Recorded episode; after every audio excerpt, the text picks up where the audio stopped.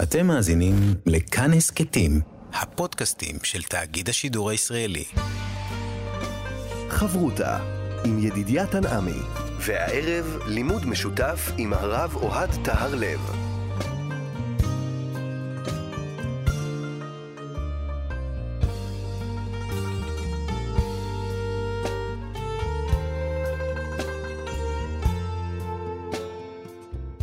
שלום, כאן מורשת חברותא לימוד משותף עם רבנים ואנשי חינוך בנושא תנ"ך, הלכה ואמונה. היום אנחנו לומדים אגדה יחד עם הרב אוהד תיארלב, ראש מדרשת אות לידנבאום מרבני בית הלל, וכאן ליד המיקרופון ידידיה תנעמי, שלום לך כבוד הרב.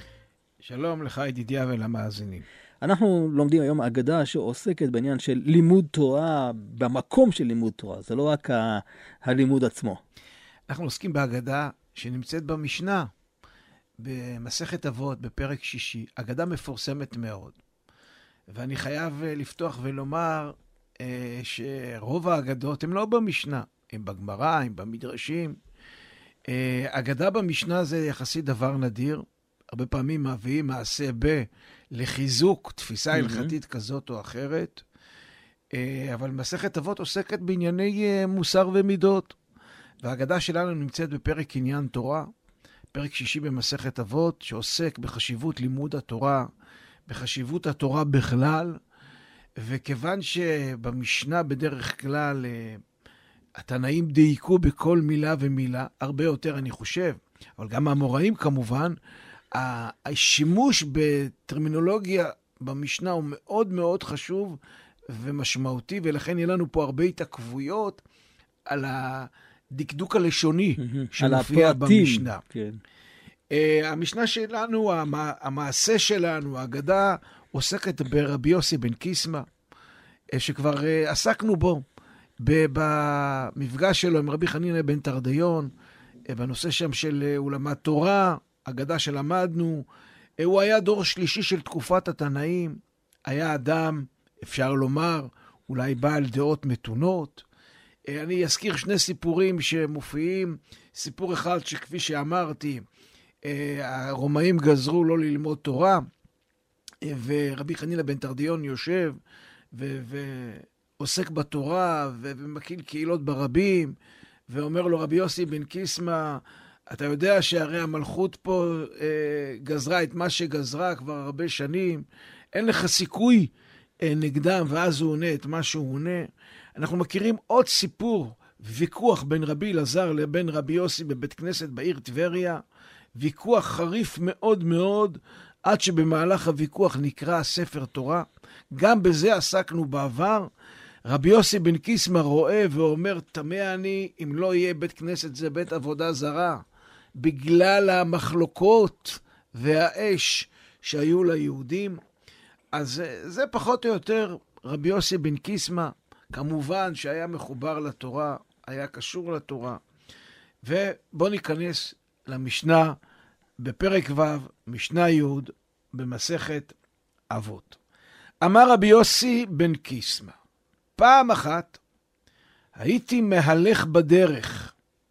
יש פה גרסה שמופיעה אצל המהר"ל, מהלך בדרך יחידי.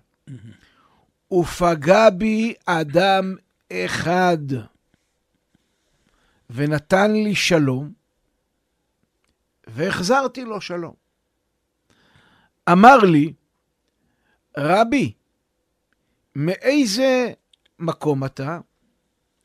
אמרתי לו, מעיר גדולה של חכמים ושל סופרים אני.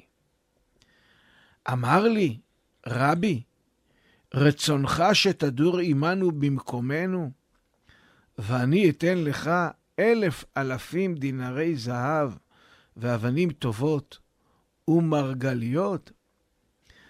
אמרתי לו, אם אתה נותן לי כל כסף וזהב ואבנים טובות ומרגליות שבעולם, איני דר אלא במקום תורה. וכן כתוב בספר תהילים על ידי דוד מלך ישראל, טוב לי תורת פיך מאלפי זהב וכסף. ולא עוד, אלא שבשעת פטירתו של אדם אין מלווין לו לאדם, הכוונה מלווין, לא הלוואה, אלא הולכים איתו, לא כסף, הולכים איתו לאחר המוות, בסוף חייו, לא כסף ולא זהב, ולא אבנים טובות ומרגליות, אלא תורה ומעשים טובים בלבד. שנאמר, איפה אנחנו יודעים את זה? בהתהלכך תנחה אותך, בשוכבך תשמור עליך, והקיצותה היא תשיחך. והאגדה מסבירה את הפסוק שהיא מביאה כראיה לכך שאדם הולך לעולמו, האבנים הטובות, הזהב והכסף לא הולכים איתו, אלא רק תורה ומעשים טובים. בהתהלכך תנחה אותך בעולם הזה. בשוכבך תשמור עליך בקבר. והקיצות ההיא תשיחך לעולם הבא. זאת אומרת, יש שלושה שלבים, ההליכה בדרך בעולם הזה, שאתה כבר שוכב בקבר, וגם כשאתה נמצא בעולם הבא, שהתורה הולכת איתך ולא משהו אחר. והמשנה, ההגדה מסיימת ואומר, לי הכסף ולי הזהב, נאום השם צבאות. זאת אומרת, הכסף והזהב שייכים לקדוש ברוך הוא, ולא לאדם. זה הסיפור, סיפור קצר ומפורסם מאוד. והסיפור הזה, האמת היא, הרבה פעמים לומדים פרקי אבות, רצים, אבל הסיפור הזה הוא סיפור מאוד מאוד קשה. אה, אני אולי אה, אה, אתחיל בשאלות. קודם כל, אני ככה הבאתי את המשנה הזאת, כי אנחנו ככה הבאנו כמה אגדות לאחרונה שעוסקים, היה מהלך בדרך. Mm-hmm. בכלל, יש הרבה אגדות. בזוהר, בחז"ל, היה מהלך בדרך. אז פה יש גם בדרך יחידי, כמובן, תמיד מתעוררת השאלה מה המשמעות של העניין. אבל פה מופיע, הוא פגע בי אדם אחד. נשים לב. אין שם פה. אין שם. ויש, האדם פגע ברבי יוסי, ולא רבי יוסי פוגע באדם mm-hmm. אחר. זאת אומרת, הוא פוגע בו. כמובן, השאלה שמתעוררת, מה המשמעות של המילה גם פגע? למה לא פגש? למה המשנה משתמשת דווקא בלשון פגיעה? עכשיו, אותו אדם ונתן לי שלום והחזרתי לו שלום. תשים לב, מי פותח בשלום? האדם. האדם, ולא רבי יוסי בן קיסמא. למה? היינו מצפים, הווה מקדים שלום לכל אדם. רבי יוסי בן קיסמא, תלמיד חכם, ש, ש, שהוא יגיד שלום, אבל מי שפותח בשלום זה אותו אדם ולא רבי יוסי בן, בן קיסמא. כשהוא פונה אליו בשאלה, מאיזה מקום אתה?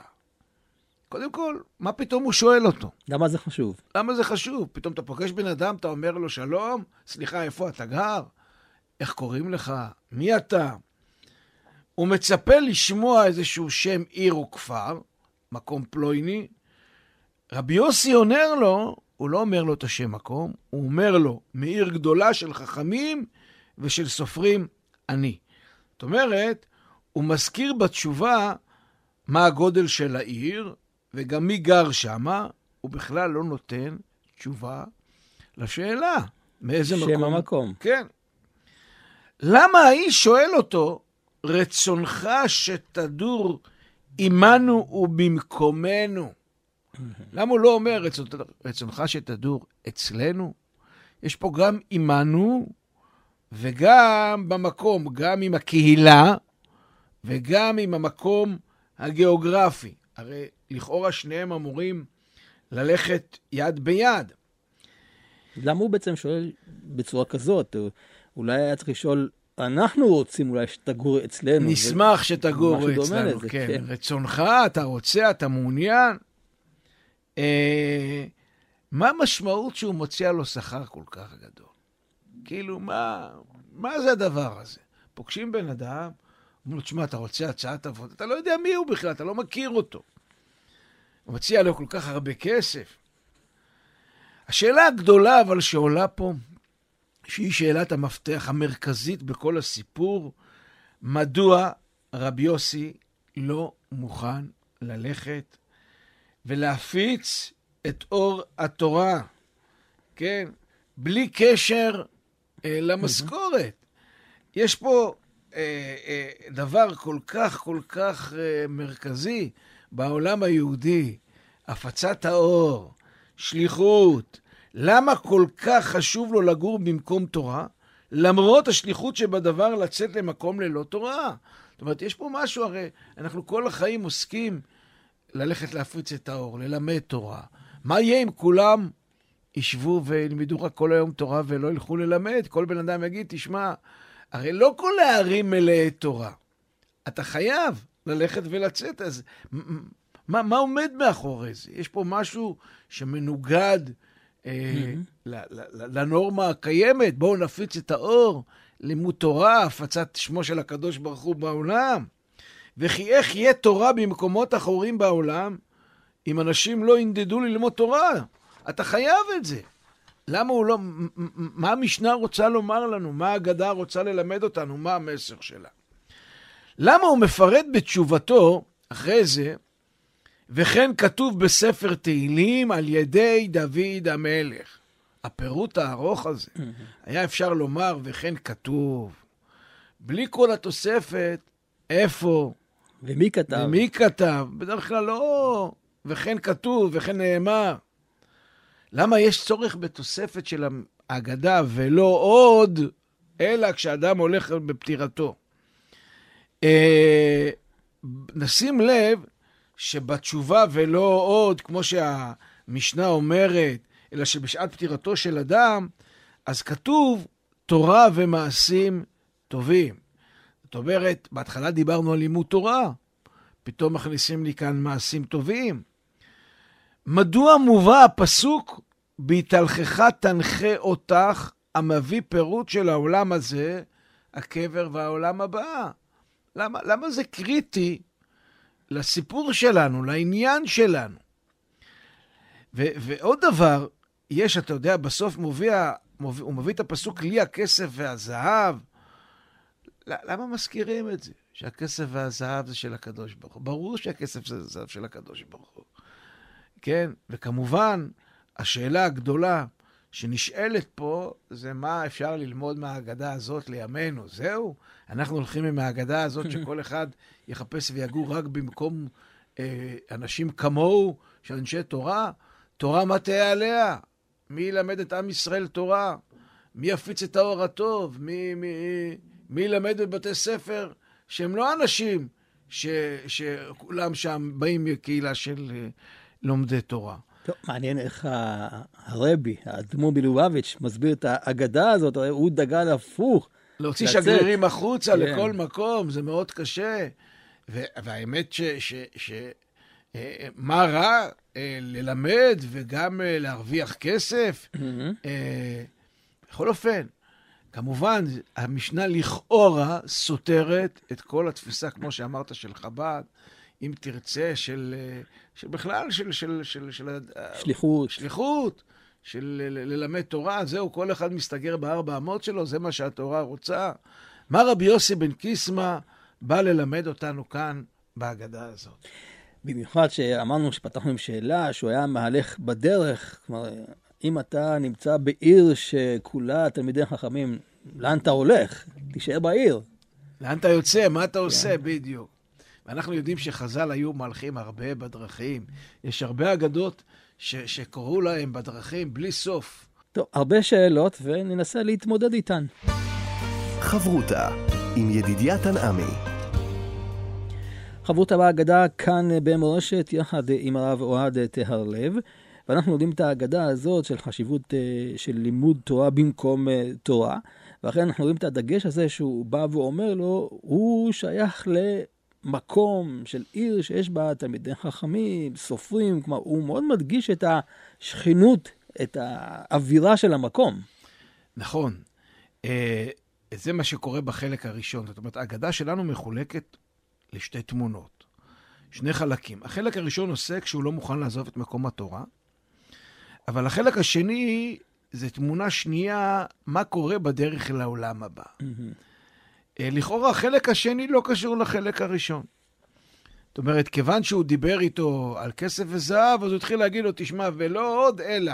הרי היה אפשר להגיד עוד הרבה דברים על התורה ביחס לכסף וזהב. נכון. אבל הכניסו פה את הסיפור הזה, שכאילו שזה חלק, כנראה, מהשיח שהיה לו איתו. כן, גם- אולי זה גם רמז, זה שהוא היה מהלך. או, באמת זה חלק מההליכה הכללית שיש פה בכל הסיפור.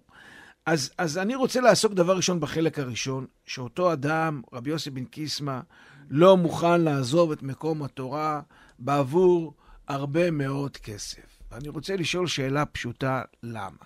למה? למה אתה, אתה לא מפחד? אז דבר ראשון, יש פה עיקרון שרבי יוסי בן קיסמא מנחיל לנו, שצריך להבין שהחברה משפיעה על האדם. אין מצב שהחברה לא משפיעה על האדם. אני רוצה להזכיר למאזיננו את הרמב"ם. בהלכות דעות, פרק ו' הלכה א', רמב"ם קיצוני מאוד. אומר הרמב"ם, הרמב"ם הפתוח, הליברלי, שלמד את אריסטו ועוד הרבה מאוד חוכמות, אומר הרמב"ם, דרך בריאתו של אדם להיות נמשך בדעותיו ובמעשיו אחר רעיו וחבריו נוהג כמנהג אנשי מדינתו. הנחת יסוד, אין אדם שלא מושפע מהסביבה. ולכן הרמב"ם מניח הנחת יסוד, מסיק מסקנה, לפיכך צריך אדם להתחבר לצדיקים ולהישב אצל החכמים תמיד כדי שילמוד ממעשיהם. גם צדיקים, מעשים טובים, וגם חכמים, אנשי תורה. והתרחק מן הרשעים ההולכים בחושך, כדי שלא ילמד ממעשיהם. יש פה התכתבות על ההולכים. הוא ששלמה אומר, הולך את חכמים יחכם, ורואה כסילים ירוע. ואומר, אשרי האיש אשר לא הלך בעצת רשעים. והרמב"ם מקצין את התפיסה שלו עוד יותר. אומר הרמב"ם, וכן אם היה במדינה שמנהגותיה רעים, ואין אנשיה הולכים בדרך ישרה, עד כדי כך, ילך למקום שאנשיה צדיקים ונוהגים בדרך טובים, ואם היו כל המדינות שיודעם ושומע שמועתם נוהגים בדרך לא טובה כמו זמננו, או שאינו יכול ללכת למדינה שמנהגותיה טובים מפני הגייסות או מפני החולי, אומר הרמב"ם דבר מדהים, ישב לבדו יחידי. כעניין שנאמר, ישב בדד וידום. וזאת אומרת, אתה תשב לבד באותה העיר, אל תבוא בקשר עם השכנים שלך. ואם היו רעים וחטאים שאין מניחים אותו להישב במדינה, אלא אם כן יתערב עמהן ונוהג במנהגם הרע, יצא למערות ולחוכים ולמדברות, ואל ינהיג עצמו בדרך חטאים, כעניין שנאמר, מיתנני במדבר מלון אורחים.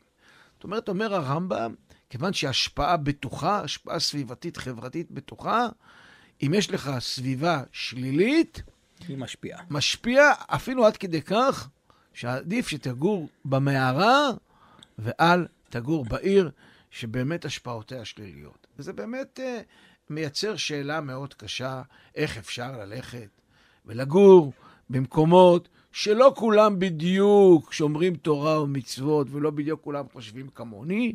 אני אגיד uh, הערה, חז"ל הנחו אותנו הפוך לגבי ארץ ישראל וחוץ לארץ. כי חז"ל אומרים, הגמרא אומרת שעדיף לגור בארץ ישראל, אפילו בעיר שכולה נוכרים, ואל יגור בחוץ לארץ, בעיר שכולה יהודים, צדיקים, שומרי תורה ומצוות. למרות ההשפעה הסביבתית, ההשפעה של חוץ לארץ וארץ ישראל היא יותר גדולה.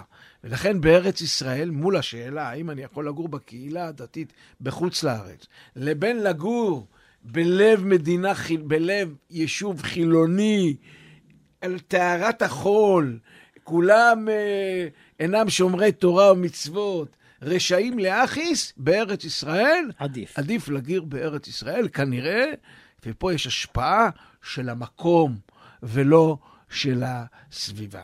אז דבר ראשון, נשים לב, אני ככה קופץ למשנה, עיר, הוא שואל אותו איפה אתה גר, אז הוא אומר לו, עיר גדולה של אנשים חכמים וסופרים. הוא לא מציין את המקום, כי למקום כנראה יש פחות משמעות, אלא באמת הח... התוכן שלו. התוכן יש. אז איך באמת, מה, מה ההווה אמינא ללכת? אני רוצה קצת ככה לגעת, ומה מסתתר מאחורי זה. אז כמובן יש מחיר לכל דבר. אנשים שהולכים להפיץ את התורה, הם עושים דבר, הם, הם בעצם משלמים מחיר, והמחיר הזה לפעמים הוא כדאי. המחיר הזה מופיע בצורה קצת אחרת. הגמרא במסכת נזיר אומרת, אמר רב נחמן בר יצחק, גדולה עבירה לשמה ממצווה שלא לשמה. אני לא חושב שזאת עבירה אה, ללכת ללמד תורה במקום, אבל אין ספק שאומרים לך פה, כשאתה בא לעשות דבר לשם שמיים, אז אתה משלם מחיר, ותדע לך שזה מחיר יותר, זה, המעשה שאתה עושה גדול יותר ממצווה שלא לשמה. ואני חושב שהאמירה הזאת אומרת שהקדוש ברוך הוא ישמור עליך. עכשיו, המשפט של רב נחמן בר יצחק, חלקו בו גדולי עולם, קצת הליטאים, רב חיים מוולוז'ין עם, ה, mm. עם החסידים. רב חיים מוולוז'ין אומר, איך יעקב אבינו גונב את הברכות מיום שניתנה תורה. אומר רב חיים מוולוז'ין, כולנו הולכים לפי השולחן ערוך, אל תנסה לעשות עבירה לשמה. אל תנסה לעשות משהו נגד מה שכתוב. הרמב"ם אומר את מה שהוא אומר, אתה תלך לפי זה. הרמב"ם. לעומת החסידים, שלא בדיוק נוהגים ככה, השפת... נתנו מקום לכל העניין הזה של עבירה לשמה. רב צדוק הכהן מלובלין פיתח את העניין מאוד. אני לא רוצה להיכנס לכל הדקויות בסיפור, אבל לוודאי שזה קיים. אני חייב לומר שהתפיסה שמציג רב חיים מוולוז'ין היא תפיסה מאוד מאוד הגיונית. הוא בא ואומר, מה עומד מאחוריה? אתה תלך לפי השולחן ערוך. יש סדר. אל תעשה את החשבונות של הקדוש ברוך הוא. אני בא להפיץ תורה, לתת. לא. ידידי היקר, אתה תעשה, הקדוש ברוך הוא כבר ידאג לעצמו. אתה תתנהג כמו שצריך, והקדוש ברוך הוא יעשה את מה שהוא צריך לעשות. אל תגיד, אני הולך להפיץ את התורה, ואתה תושפע וילדיך יושפעו בצורה מאוד מאוד שלילית. הרב קוק, ביומנו ערפלי תואר, כתב שבאמת קורים דברים כאלה, אבל הם באים מלמטה בצורה, נגיד ככה, לא מתוכננת. לפעמים כשיש צורך בהעברה על דברי תורה, חס וחלילה, אין בדור מי שיוכל להראות את הדרך, בא העניין על ידי התפרצות. ומכל מקום יותר טוב הוא לעולם שיבוא עניין כזה על ידי שגגה, ובזה מונח היסוד של מוטב שיהיו שוגגין ואל יהיו מזה דין. זאת אומרת, אף אחד לא עושה את זה בכוונה. קורה דבר, אתה מוצא את עצמך בתוך העיר. סיטואציה כזאת, כן. ואתה... רק כשהנבואה שרויה בישראל, אפשר לתקן עניין כזה על ידי הוראת שעה, ואז זה נעשה בדרך היתר ומצווה בגלוי, יש נביאים, הם אומרים, תלכו ללמד פה, תלכו ללמד פה. ברגע שאין נבואה, נעשה התיקון הזה על ידי פרצה. אז איך באמת חב"ד, למשל, הולכים mm-hmm. ומפיצים שגרירים בכל מקום? הרי הפלא הוא עצום, הולך שליח של חב"ד. מגיע למקום אין ללא... בו כלום. כלום, ללא שום סממן יהודי. וגם לא בארץ, בכלל בחוץ לארץ. עם ילדיו בחוץ לארץ. ואתה יודע, הרבי אמר הרי לפתוח שגרירות בכל מקום. איך הם עושים את זה? אז האמת היא שיש אה, ספר השלוחים, מה שאני מכיר. ומה שאני מכיר בספר השלוחים, מה שומר על האדם.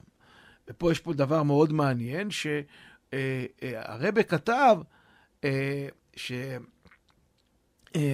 שחתיכא דאיסורא, חתיכה של איסור, כשהיא אה, פולטת, היא לא מקבלת. כשאתה עסוק ב... זאת אומרת, כשאתה בא בתודעה של שליחות לתת, אז אתה שומר עליך. זאת אומרת, מה, מה נותן לך בעצם את הדבר? זה שאתה בא בתודעה שאתה הולך לתת, ואתה, אז ממילא, אתה פולט כל הזמן. אתה לא מקבל. ולכן אתה תהיה כביכול... מוגן. מוגן. אבל אני חייב לומר, האם זה מה שמציע רבי יוסי בן קיסמא, רבי יוסי בן קיסמא לא מוכן לקחת סיכון. אני נשאר במקום, אה, וזהו זה. ועדיין, כמובן, אין לנו תשובה לכל מה שקשור לכסף אה, והזהב. הרי, הרי כרגע אנחנו מדברים על שליחות בלי כסף וזהב. בטח כשמדובר על כסף וזהב, אז באמת הסיטואציה כאן, למה אתה בא? אתה בא בשביל הכסף, אתה בא בשביל השליחות, אבל אין ספק שעולם היהדות לא היה קיים כמו שהוא קיים, אם אנשים לא היו הולכים להפיץ, אם אנשים היו מקבלים את רבי יוסי בן קיסמא כמו שהוא, בהבנה הפשוטה, עולם התורה לא היה אה, מתקבל כמו שהוא מתקבל. יכול להיות, דרך אגב, ששליחי חב"ד מוכנים לקחת את המחיר, והם משלמים מחיר, משלמים מחיר משפחתי, משלמים מחיר חינוכי, הרי הילדים שלהם, בית ספר פרטי שההורים שלהם עושים. Mm-hmm. מה באמת מסתתר מאחורי זה, ו- ואיך, הייתי אומר, מה יגיד רבי יוסי בן קיסמא לשליחי חב"ד? חברותה עם ידידיה תנעמי. חברותה בהגדה כאן אה, במורשת, יחד עם הרב אוהד תיארלב, ובואו ניכנס ממש ככה להסבר של ההגדה. ואני חושב ששוב כדאי לדבר על כך זה שהאדם הזה, כן, רבי יוסי בן קיסמא, הוא היה מהלך בדרך יחידי. כלומר, התמונה הראשונה שאנחנו פוגשים, זו התמונה הזאת שהוא מתבודד. נכון. מי הולך בדרך יחידי? כנראה מסיק המהר"ל שהוא יתבודד. וכשאדם הולך בדרך יחידי, הגמרא אומרת במסכת עירובין, אמר רבי יהושע בן לוי בדף נ"ד, המהלך בדרך ואין לו לוויה, יעסוק בתורה. שנאמר כי לוויית חן הם לראשך. זאת אומרת, מי שהולך לבד, מה הוא צריך לעשות? ללמוד תורה. אה, וכשהוא לומד תורה, הוא בהתבודדות יתרה, הרבה יותר מלשבת בבית עם ספר פתוח על השולחן כשאתה לבד. וזו התבודדות, הייתי אומר, אה, טוטאלית. ואם תרצה, אומר המהר"ל, היה מהלך בדרך, ולא הולך, כן? המהלך זה... הולך זה שם תואר, מהלך זה לא שם תואר, זה מציאות, הוא במציאות רוחנית. ולכן, אומר המהר"ל, מפני דבקותו בתורה, בדרך, כן, הוא אמר לו, אמי, אתה נותן לי את כל הכסף וזהב, זה לא יעזור. כי הוא מחובר לתורה באופן טוטאלי. הוא לא צריך את זה כבר. זאת אומרת, לא מדובר פה באדם מן, הש... מן השורה. מדובר פה על אדם אה, מיוחד, יחיד סגולה, שכל עניינו הוא רק תורה. כל הזמן הוא מחובר לתורה, הוא עוסק בתורה. זה גם מסביר לנו למה הוא לא פותח, למה, למה, למה לא, הוא בעצמו לא אומר שלום. אלא האדם הזה שפוגש אותו. הוא נמצא בעולמות אחרים. זאת אומרת, יש יחידי סגולה שהם לא בהכרח צריכים ללכת להפיץ את התורה. יש יחידי סגולה, ענקי עולם, שכנראה הם צריכים לשבת, לפי המהר"ל, באותה עיר של תורה. הם לא אלה שצריכים לצאת. כל משכורת שתציע להם, הם לא ייקחו. זה לא אומר שאנשים אחרים לא צריכים ללמד תורה. אבל אה, הוא אדם שאפילו הוא, הוא, הוא, הוא, הוא בעולם אחר, נגיד כן, ככה. אולי במושגים של ימינו, כן, משתמשים במושג הזה של תורתו אומנותו. כאן זה באמת ככה. כן, או, השאלה מה זה תורתו אומנותו, גם זאת שאלה. כן, יש לזה הגדרות שונות אה, בהלכה, האם ראשך בתורה, האם אה, אתה כל היום לומד תורה. אה, בוא נגיד, אדם שכל כולו בתורה והוא לא מסוגל אה, להגיד שלום לחברו, ואנשים אחרים פוגעים בו ולא הוא פוגע בהם, זה באמת מודל לאדם אה, מעין חזון איש כזה, mm-hmm. הייתי מגדיר אותו. ולכן, כיוון שהוא רואה בן אדם כזה, אז באמת לא מעניין אותו המקום הגיאוגרפי כמו הסביבה החברתית שבו הוא צמח. ולכן הוא שואל אותו, איפה, איפה צמחת בעצם? ואז הוא אומר לו, אני נמצא במקום גדול, יש שם הרבה אנשים, חכמים וסופרים, ושם זה המקום שבו אני אה, אה, אה, גדלתי. אה, והוא אומר, אומר לו, רצונך שתדור עמנו במקומנו? הרי שאלנו למה עמנו mm-hmm. במקומנו, למה לציין את העניין? ופה כבר מתחילים לראות מה אותו אדם הזה רצה. האדם הזה רצה למעשה שהוא יעבור אליהם, אבל הוא יהיה איתנו, המהר"ל מדגיש את זה. מתחבר איתם? מתחבר איתם, אנחנו המרכז, לא אתה. אתה אמנם תהיה רב, נשתייעץ איתך בהלכה, אבל אנחנו נישאר העיקר. כן, אתה תשב איתנו. אה, נבוא ללמוד, אבל יש לנו מה ללמוד ממך, אבל אתה כתושב כמו כל התושבים. ולכן הוא אומר, תודה רבה. אני לא צריך למלות לכם איזשהו אבן בפסיפס, זה סיפור אחר. יכול להיות שאם היו מציעים לו רבנות, הוא היה באמת אה, אה, נענה. עכשיו, נשים לב, זה, זה כבר סיפור אחר, זה לא אדם שלא מוכן להפיץ. ופה מכניס המהר"ל עוד אלמנט. אומר המהר"ל, כל החלק השני של ההגדה הוא המשך של ההגדה הראשון. יש הליכה, אתה כבר ככה רמזת לזה, הליכה אחת ארוכה. מתחילים, היה מהלך בדרך, הדרך לא מסתיימת, אלא יש לנו פה... עד העולם הבא. עד העולם הבא. ובאמת הוא, הוא מראה את הדרך הזאת של שלושה שלבים. יש שלב של הליכה בעולם הזה, אדם בעולם הזה נחשב מהלך, הוא כל הזמן מתקדם, mm-hmm. מתקדם רוחנית, הוא מגיע לקבר, הוא שוכב, כן? כבר לא מהלך. הוא כבר לא מהלך, אבל אחרי זה הוא מתעורר אחרי הקבר. הוא מתעורר בעולם הבא. הוא יושב שם. ושם יש המשכיות. מהו הציר שלוקח את האדם לאורך כל הדרך הארוכה הזאת? העולם הזה, קבר העולם הבא, לימוד תורה. לימוד תורה הוא הדבר הקיומי. בעולם הבא יושבים, כן, צדיקים יושבים ועטורותיהם בראשיהן, יושבים, הכוונה היא מה? משהו קיומי, חזק. מה, מה יישב אותי בעולם הבא? Hmm. אומר לו, רק לימוד תורה. ולכן אין פה צד בכלל, בכלל, בכלל, שאני מוכן לוותר על הלימוד תורה שהוא כל כך קיומי אצלי, כי הוא זה שיוביל אותי לאורך כל הדרך בעולם הזה, ואחרי זה בהמשך גם כן בקבר ובעולם הבא. למה הוא הוסיף גם את uh, מעשים טובים? שאלנו. או, אז, אז גם זה חלק מהסיפור. כי המהר"ל טוען שלימוד תורה בעצם נותן איזושהי השלמה לנשמה, לנפש, והמעשים טובים נותנים לגוף. עכשיו, כשבן אדם מגיע אחרי 120 שנה, הוא עוזב את העולם, לא רק הנשמה, גם הגוף, יחד איתו הגוף. מה, הלימוד תורה זה של הנשמה, המעשים טובים זה של הגוף.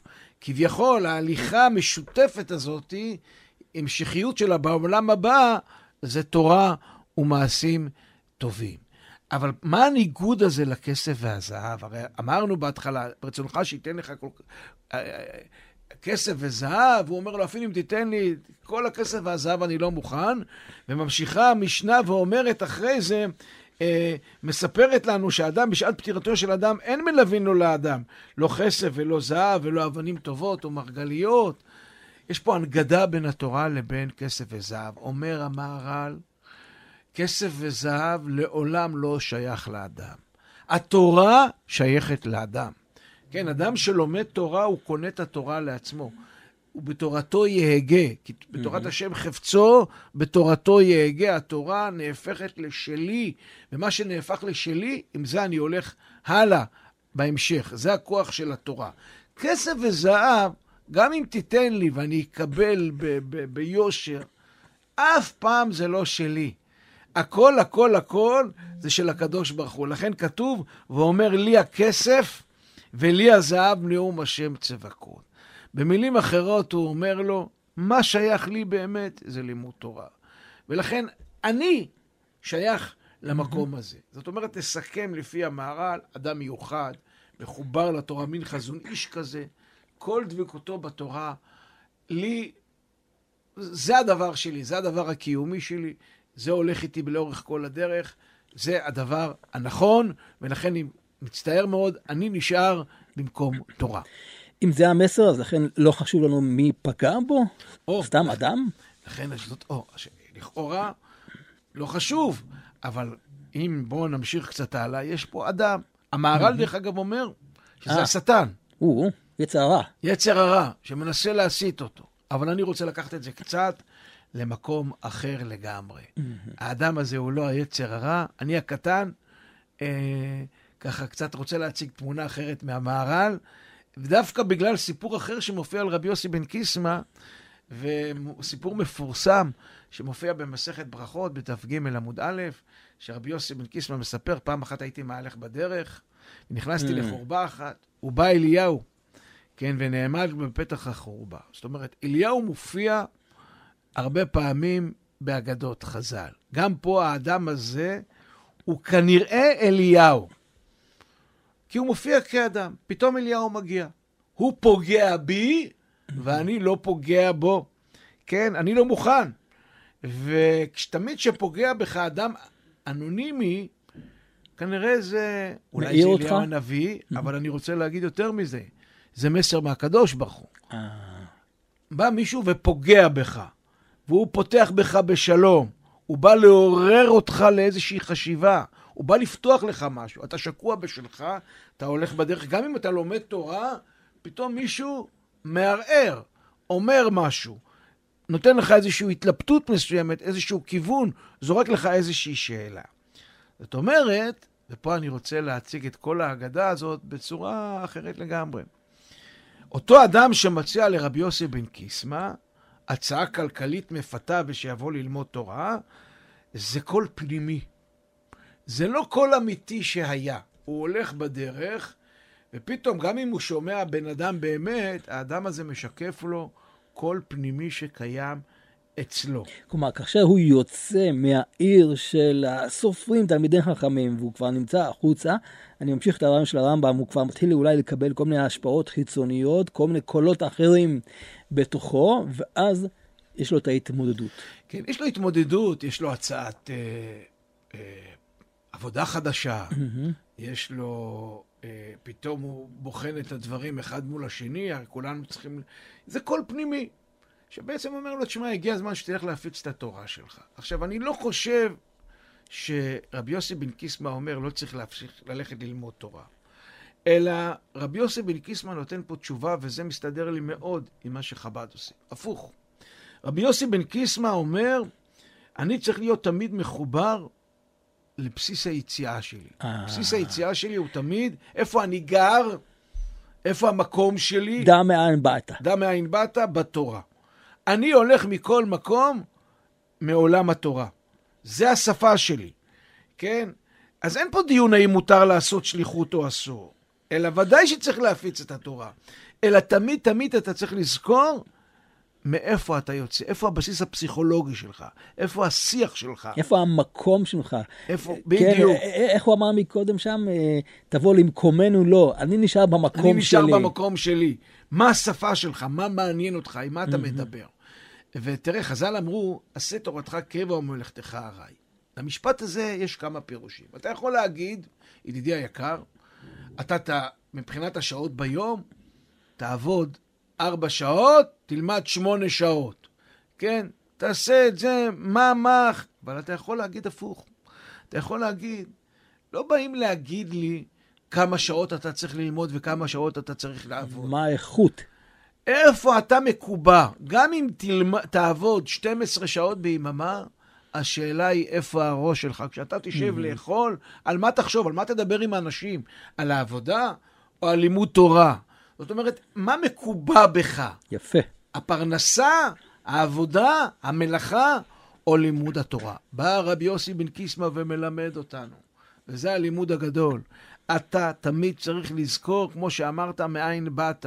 אני גר, ולכן הוא לא אומר מקום פיזי, הוא אומר מקום גדול, שיש שם הרבה חכמים וסופרים.